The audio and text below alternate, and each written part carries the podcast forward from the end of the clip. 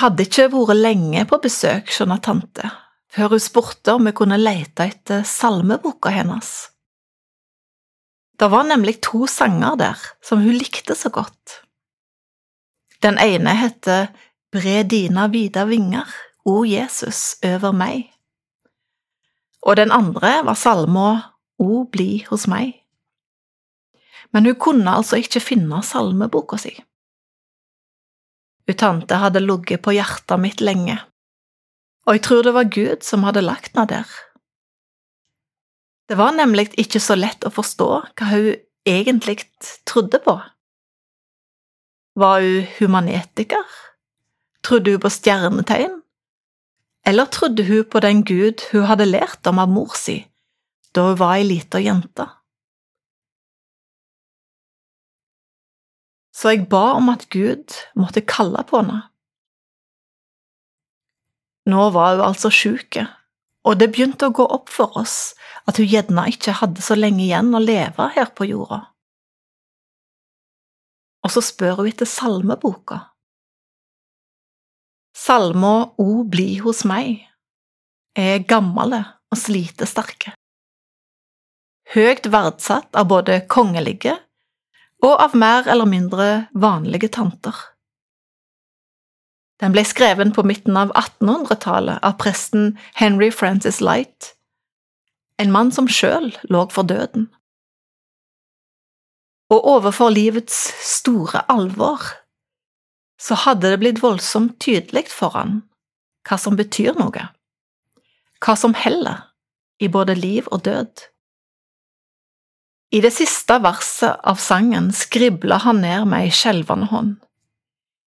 O, la meg se ditt kors i dødens lys.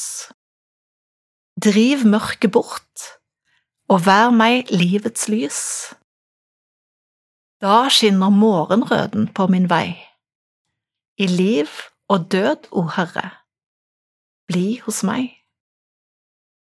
Hvorfor var korset det siste denne presten ville se når han sto overfor dødens lys?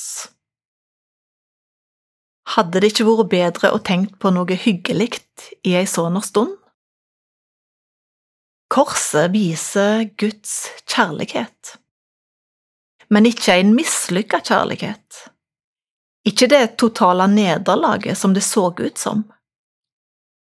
Tvert imot så forteller Kolosserbrevet han kledde maktene og åndskreftene nakne og viste dem fram til spott og spe, da han synte seg som sigerherre over dem på krossen. Seierherre Det som skjedde på korset, var tidenes seier over det vonde. Jesus fullførte oppdraget sitt der han ble sendt for å leve det perfekte livet, uten feil, uten vondskap, uten synd. Bare på den måten kunne han ta vår skuld. Og så skjer det et rollebytte der, på den store verdensscenen. Når Jesus roper ut 'det er fullført' og trekker sitt siste åndedrag, så bytter han sitt perfekte liv mot vårt. Hele skulda vår ble nagla til korset sammen med han. Og vi, vi går fri. Denne ene seieren gjelder for alltid, og for alle som tror og tar imot. Tror du dette? Du skjønner, det er det Gud vil mest av alt at alle mennesker skal tro og ta imot denne gava som han gir. Jesus sitt liv i bytte mot ditt. Det evige livet i plassen for fortapelsen. Om mi tante hadde forstått og tatt imot dette, er vanskelig å vite, men jeg håper og tror at hun hadde funnet si hvile der og at hun virkelig hadde bedt han om å bli hos henne. Salmeboka fant vi ikke, men vi fikk synge sangen i begravelsen hennes ikke lenge etterpå. Jeg forstår godt at du tante likte denne salma O bli hos meg. Det er ei inderlig bønn til en Gud som er med oss i alle livets situasjoner. En som hjelper den hjelpeløse. Som er et fast punkt i en skiftende verden.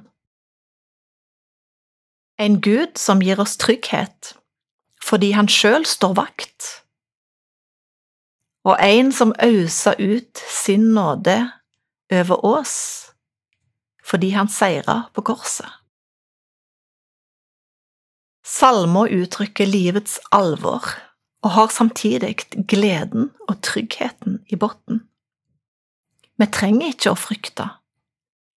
Gud blir hos oss i liv og død. Herren velsigne deg og vare deg. Herren la sitt ansikt lyse over deg og være deg nådig.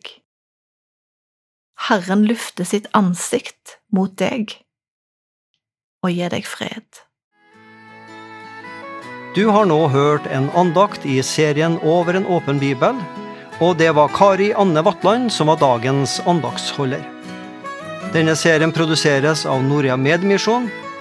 Hver fredag formiddag tilbyr vi forbønn.